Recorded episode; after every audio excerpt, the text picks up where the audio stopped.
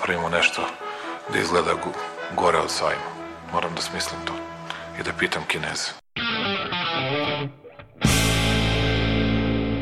I've today left hospital after a week in which the NHS has saved my life. Ne mogu da verujem da narod koji je preživao sankcije, bombardovanje, svakojako maltretiranje će se uplašiti najsmesnijeg virusa u istoriji čovečanstva koji na Facebooku postoji. And now I'm better and maybe I'm immune, I don't know. Dobro večer. Mene su poslali iz štaba. Ja ću vam pomoći. Aleksandar Kocić Jelena Viser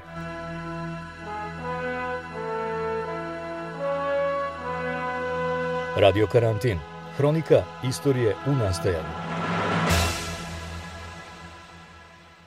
Radio Karantin ove nedelje traži odgovor na pitanje ima li potencijala za promene u Srbiji. Pandemija čini se nije doprenela da se podele u srpskom društvu premoste, čak što više kao da ih je produbila. Društvo je i dalje duboko podeljeno, pre svega na one kojima status quo odgovara i one koji bi da ga menjaju, ali ne znaju kako.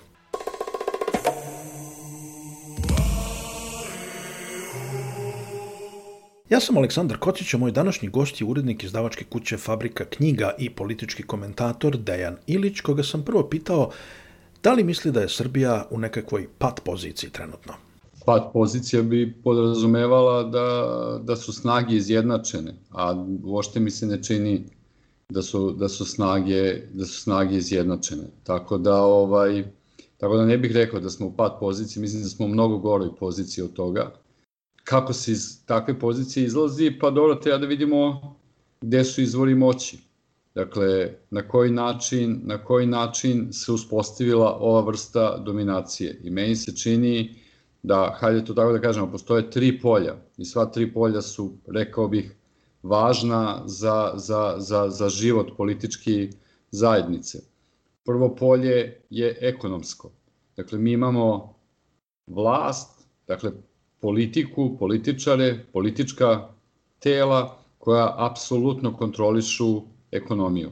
I vi ako hoćete u Srbiji da se bavite bilo čime, a da to ne bude na ivici jeli, preživljavanja, vi morate u neki, na neki način da uđete u dogovor sa vlastima.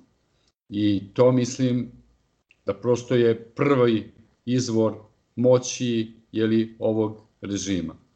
Drugi izvor moći je za podsedanje institucija. Dakle, sva tela, od predstavničkih tela do pravosuđa, do kontrolnih tela, sve je zaposela stranka na vlasti. I vi vučete sad i tu institucionalnu moć, dakle, obezbedili ste ekonomsku moć i sad vučete institucionalnu moć da legitimišete ono što radite u drugim poljima. Kad god se ispostavi neki problem, vi se vratite na instituciju i kažete pa evo, mi smo jeli, uređena država, evo institucije će da odluče. Onda institucije odluče mimo svakog zakona, mimo svakog pravila, mimo činjenica i zapravo podrže potpuno proizvoljnu, arbitrarnu, nepravednu, nezakonitu odluku vlasti. I to je drugi izvor moći. Treći izvor moći su mediji, dakle kontrolisanje javnog polja. Ako mi znamo da se događa ovo što se događa u ekonomiji, ako znamo da se događa ovo što se događa u institucijama, makar bismo mogli o tome da govorimo, ali ne govorimo zato što nemamo gde, odnosno imamo gde, ali su dometi medija, jeli, koji su u tom smislu nezavisni od vlasti, kako bih vam rekao, ne mogu baš da se porede sa dometima medija koje kontroliše, koje kontroliše vlast. Dakle, ja s jedne strane tu vidim dva lica. Je, jeste, istina je da vlast kontroliše ove nacionalne medije. S druge strane, ne razumem ljude koji odlučuju da se informišu samo sa tih medija. Dakle, u redu je, vlasti kontroliše, ali postoji i ovi drugi mediji. Zašto se publika ne vrati ili ne okrene tim medijima? Pa ne znam, na internetu ili novim kablovskim jeli, televizijama, pa se odatle informiše. Očigledno postoji neka navika ili inercija, tako bi se rekao u prvom koraku, da se ovaj da se ljudi informišu tamo gde su se inače informisali. To su dakle ta tri polja iz kojih ovaj režim crpe moć. Međutim, ovo pitanje zašto se ljudi informišu sa nacionalnih medija ili zašto se prave kao da se informišu samo sa nacionalnih medija, a navodno ne znaju ništa drugo i ne znaju koja je priroda ovog režima, to nas vodi ka još jednom ovaj bitnom elementu, a to je ne samo da ako vi hoćete da se bavite ekonomijom kao nekakav privredni akter, pa sad hoćete nekakav svoj posao i sve, pa morate se dogovarati sa vlastima, nego je zapravo ova vlast uspela veliki broj ljudi da uvede u svoje klijentelističke, da ih uhvati u svoje klijentelističke mreže. Pa vi ne morate da budete nekakav uh, poslovni akter. Dovoljno je da budete zaposleni u bilo kom segmentu koji na bilo koji način zavisi od odluka vlasti. I vi ste već zapravo u njihovoj mreži i smanjuje vam se prostor da nezavisno mislite, odlučujete i ponašate se. Kada se uzme ove tri stvari, dakle dominacija u polju ekonomije, dominacija u institucijama mimo zakona i dominacija nad medijima i kada u to uključite, dakle, potpuno uvezane, dakle, potpuno, ja bih rekao, korumpirane u onom smislu iskvarene, a iskvarene zato što su morali da odustanu od vlastite slobode da bi mogli da žive, da bi imali od čega da žive. Dakle, kada te stvari stavite zajedno, vama je onda potpuno jasno da, ne, da nismo u pad poziciji, nego smo na neki način potpuno pokoreni. I pokoreni smo, postoji sistem, postoji način na koji smo pokoreni i kako se iz toga izlazi, to je sad sledeće pitanje. Ja sam, izvinite što vas prekidam, ja sam se možda pogrešno izrazio kad sam rekao pad pozicija. A, mislio sam pre svega na situaciju u kojoj e, čini mi se da, su, da, da, da se društvo zaglavilo. Da, A vi hoćete da, da kažete da smo mi paralisani. Upravo to. I ne vidim sad kako je, gde je izlaz iz te paralize. Paralisani smo upravo na ovaj način, ja verujem da sam to nekako uspeo da opišem, na koji način smo paralisani. Paralisani smo zato što u ekonomskom polju ne možete da bez praktično dogovora sa vlastima, institucije su potpuno zaposednute i rade u korist vlasti, mediji su pod kontrolom vlasti, a onda pojedinačno, dakle, ste uvučeni u razne uh, dogovore, aranžmani, sve gde vam se zapravo, gde ste uslovljeni da se ponašate na određeni način. I onda ste paralisani, jer vam nije ostavljeno ni jedno polje slobode. Bukvalno njeno. Vi ste u Srbiji danas slobodni samo ako ste na margini. Ako ste odustali od nekakvih ambicija, recimo da budete jako poslovno uspešni, ako ste odustali od toga da se obraćate velikom broju ljudi, ako ste, praktično ako ste odustali od toga da budete na bilo koji način opasni po režim, vi ste onda slobodni. Jer onda možete zaista da kažete šta hoćete, možete da radite neke stvari koje inače možda ne biste mogli da radite, ali cena koju za to plaćate je da budete na margini.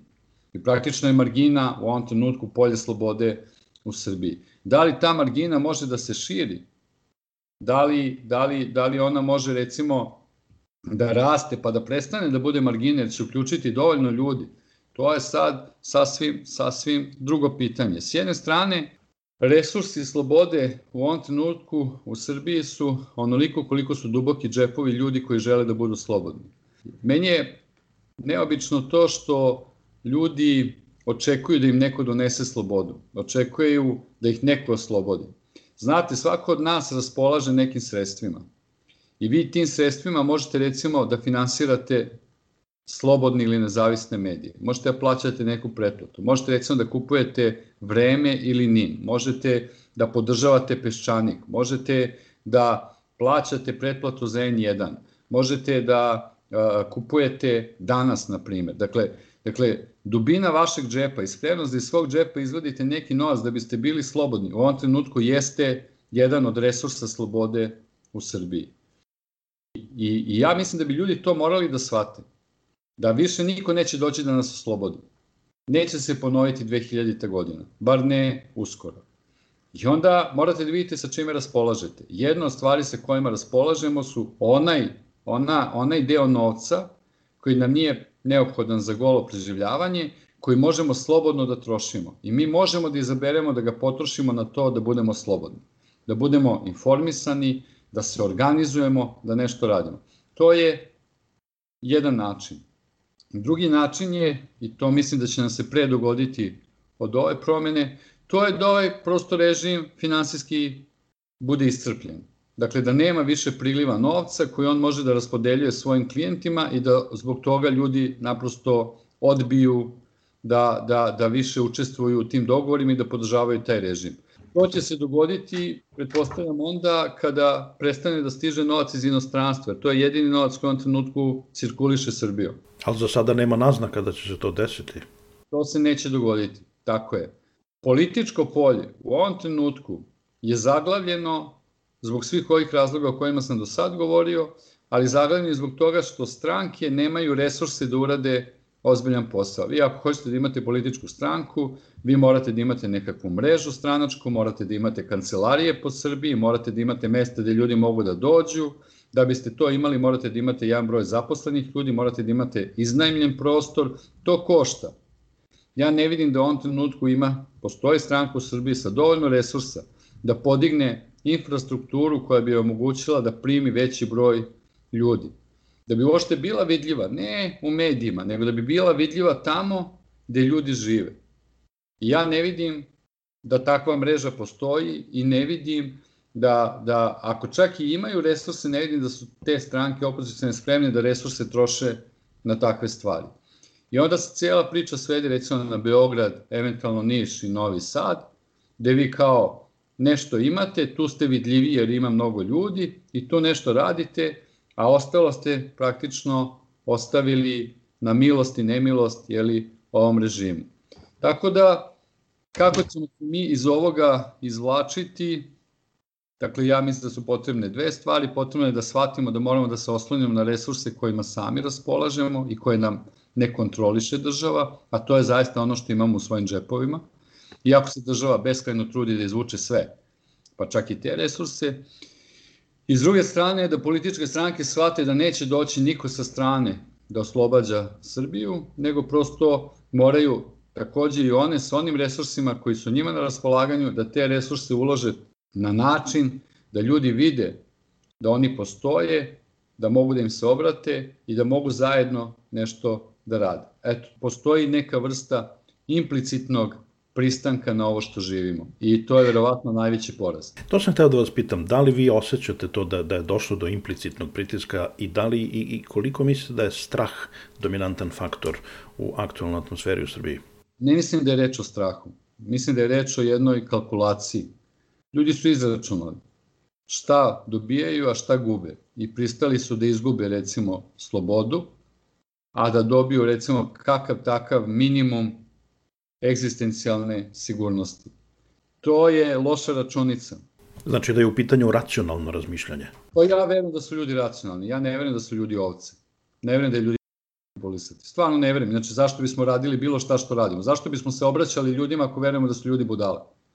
Dakle, ja verujem da su ljudi racionalni, ja verujem da dobro razmišljaju o svemu, verujem i da su dobro informisani, ali su napravili neku kalkulaciju i rekli su, nemoj sad da tu nešto mi pokušavamo, važno je da imamo šta da jedemo, proći će i ovo. Problem je što neće proći ako mi ništa ne uradimo. I problem je što ćemo ovako biti sve siromašniji i siromašniji i na kraju neće više biti ni te minimalne egzistencijalne sigurnosti za najveći broj ljudi ovde. Mi već sad vidimo kako se taj broj siromašnih u Srbiji povećava i kako je sve više ljudi na ivici siromaštva, ali i dalje postoji ta kalkulacija sa nadom da će mene, nekog drugog, da će neke nas zaobići ta sudbina. I onda nas to još više gura u zagrljaj sa režimom, a zapravo bi jedan trenutku morali da povučemo crtu da kažemo, e, stvarno kao, pa ne možemo živjeti od vaše milosti. Odrasli smo ljudi, umemo nešto da radimo, umemo da brinemo o sebi. Ne moramo da se dogovaramo s vama, o, dajte nam prostor da brinemo sami o sebi, a nemojte vi brinuti o nama, a da za uzvrat vam mi predajemo sve, a onda vi za sebe izločite apsolutno najveću korist dok mi smo sve siromašniji i siromašniji. Dakle, to je takođe jedna kalkulacija. Dakle, svako od nas bi trebalo da pogleda gde je počeo 2012. a gde se nalazi danas. I gde su počeli akteri režima, a gde se nalaze danas. To je isto kalkulacija. Ko živi bolje danas? Da li mi koji jeli od 2012. do 2020. nismo jeli došli, ajde to tako uslovno da kažemo, na vlast, nego smo obični građani, ili bolje žive, i to dramatično bolje žive, oni koji su se 2012. dokopali vlasti i 2020. dočekali na vlasti. Ajmo da uporedimo te dve stvari, da vidimo kako žive obični ljudi proteklih 8 godina i kako su prošli ljudi na vlasti u proteklih 8 godina. Kome je bolje i koliko je bolje. I onda će se lako videti da je režimu sve bolje, a nam običnim ljudima sve gore. Ali i dalje zapravo to nije dominantna kalkulacija. Dominantna kalkulacija je daj mi minimum egzistencijalne sigurnosti, a ja ću ti dati pristanak, ali to je računica koja svodi ka tome da budete sve jeftiniji i jeftiniji, sve siromašniji i siromašniji, sve će vam se manje davati za pristanak. Kada ljudi jednom to shvate, a shvatit će, shvataju i sada, samo je pitanje kako procenjuju, da li mogu nešto da, da, da naprave, onda će verovatno doći, ali nije dovoljno da se to shvati, mora nešto da se uloži, mora nešto da se da, mora da se da nekakav novac, mora da se da neko vreme, mora da se nešto uradi, ne može samo da se razume i da se shvati. Niko nam neće pokloniti. Šta je to što treba da se uradi? Šta je to što može da se uradi? Jer obično se debata u Srbiji o tome kako doći do promene vlasti svodi na dva elementa, izbori ili ulica. Pa, kako bih vam rekao, izbori su davno propala priča. To, to nema, vi nemašte dobijati izbore pod ovim režimom. To, to samo najni ljudi, a nema najnih ljudi u Srbiji. Dakle, to mogu da pričaju samo ljudi koji ne pričaju istinu. Da ćete na izborima dobiti izbor, da ćete pobediti ovaj režim. Dakle, vi morate da kontrolišete izbore da biste pobedili ovaj režim. Da biste kontrolisali izbore, morate unapred da porazite režim. Morate unapred da ga dovedete u situaciju da mora da se dogovori s vama i da pristane na vaše uslove, odnosno da pristane na kontrolu izbora. To znači da će se bitka odigrati pre izbora, a ne na izborima. Tako da, tako da ja mislim da to što se naziva ulicom, da je to neko rešenje, ali ne možete izvesti ljude na ulicu kada kalkulišu između jeli, pristanka i minimuma nekakve jeli, egzistencijalne sigurnosti. Jer je ulica apsolutna nesigurnost i neizvesnost. I dogod je egzistencijalna sigurnost druga na tom tasu, vi ne možete to, ne možete ništa da ne možete ljude da Dakle, mora da se vidi, mora jasno da se vidi da nema više egzistencijalne sigurnosti i onda je ulica zapravo manje strašno mesto nego da se sedi kod kuće. E sad, da li će se to dogoditi kako? Ja mislim da, da, da, da, da, da još nismo u toj situaciji da ljudi shvate da im je opasnije da mirno sede kod kuće nego da izađu na ulicu. Mislim da još nismo u toj situaciji. Nismo zato što ovaj režim još uvek ima sredstva da jeli, servisira svoje klijente mnogobrojne, a ima ih između oslogi zato što i dalje ulazi novac iz inostranstva u Srbiju i to je, to je prosto priča u kojoj, se, u kojoj se sad nalazimo. Da li političke stranke mogu svojim radom nešto da promeni? Za početak mogli bi da jeli, zaista podignu neku stranačku infrastrukturu koja bi premrežila Srbiju, ali za to je opet potreban novac. I mogli bi da prestanu da se zavaravaju sa tim da, da će ovaj režim pristati na njihove uslove da se izađe na izbor. Dakle, neće pristati ako ne bude pritisnut. Taj pritisak mora da dođe iznutra, jednom kada dođe iznutra, pojavit će se i pritisak s polja. Ako nema pritiska iznutra, neće biti ni pritiska s polja. I to je jako jednostavno. Kako bih vam rekao, da umem da vam odgovorim na neka od pitanja koja ste mi postavili, ja ne bih sedeo kod kuće i razmišljao o svemu tome, nego bih imao stranku i radio sa tom strankom. Dakle, da znam tačno je li, kako se to radi, ja bih to već radio. Ja mogu kao posmatrač koji gleda šahovsku tablu da vam kažem kako su u ovom trenutku poređane figure i koje su opcije pred igračima. Ali kako tačno vući poteze, Očigledno ja nisam taj, jer da jesam bio bi negde drugde, a ne na mestu nekakvog komentatora. Ali ja sam vas zvao kao komentatora i vi ste odlični kao komentator i ja bih samo da vas pitam na toj šahovskoj tabli, e, meni se čini da ključnu ulogu igra Kosovo. Ja mislim da je to greška velika. Ja mislim da Kosovo nema nikakve veze. Kosovo je samo paravan iza kog se ne vide neke druge stvari. Kosovo je nebitno, Kosovo je rešeno pitanje bukvalno rešeno pitanje. To nema, kako bih rekao, to je gubljenje vremena da se bavimo Kosovom.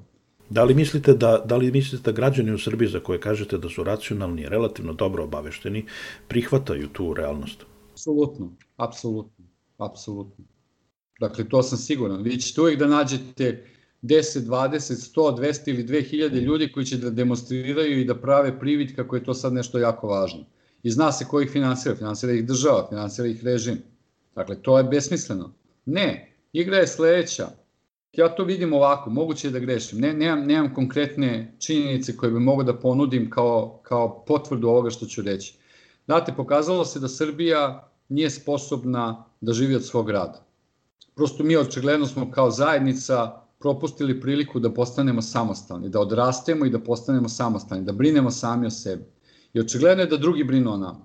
Ne u smislu da nam kažu šta da radimo, nego kažu evo, nesposobni ste, evo mi ćemo da vam damo da jedete. Mi ćemo da vam smislimo šta ćete da radite da biste imali da jedete. I onda je se ispostavilo da smo mnogo skupi, da nekako bismo mnogo više nego što neko je spreman da nam da. I onda je došao ovaj režim, jeli, još ranije, dakle pre 2012. rekao, evo ja ću da napravim Srbiju da bude još jeftinije. Evo ja ću da vam dam te ljudi, isporučit ću vam te ljude za mnogo manje pare nego što ste do sad izdvajali za njih. I cijela priča je u tome da ljude ovde napravite jeftinima.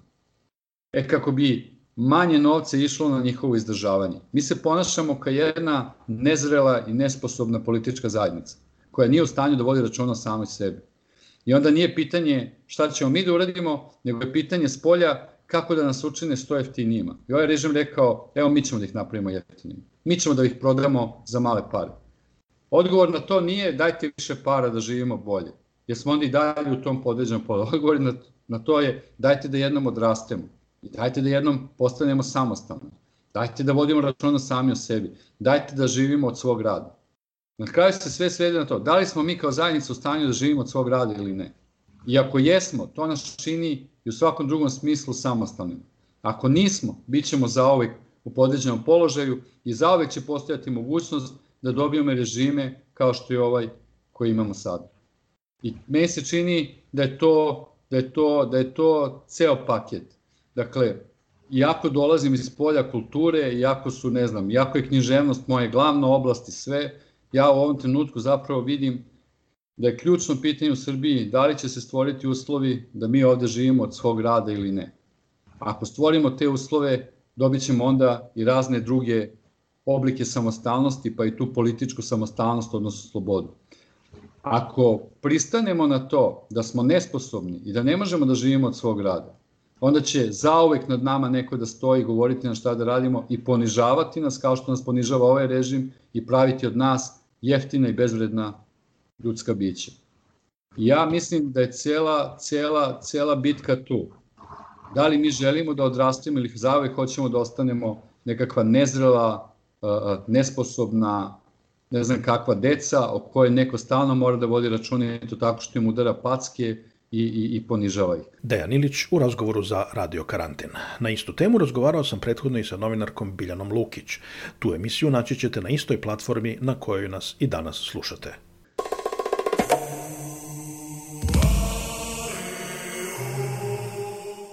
Slušajte Radio Karantin. Ako vam se dopada ovaj podcast, zamolit ću vas da nam ostavite ocenu ili komentar na platformi na kojoj ste nas našli.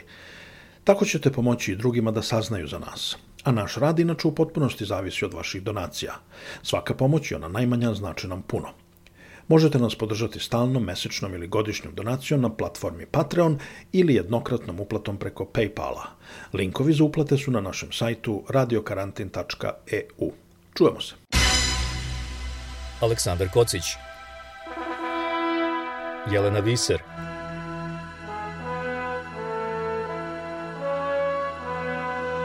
Radio Karantin. Hronika istorije u nastajanju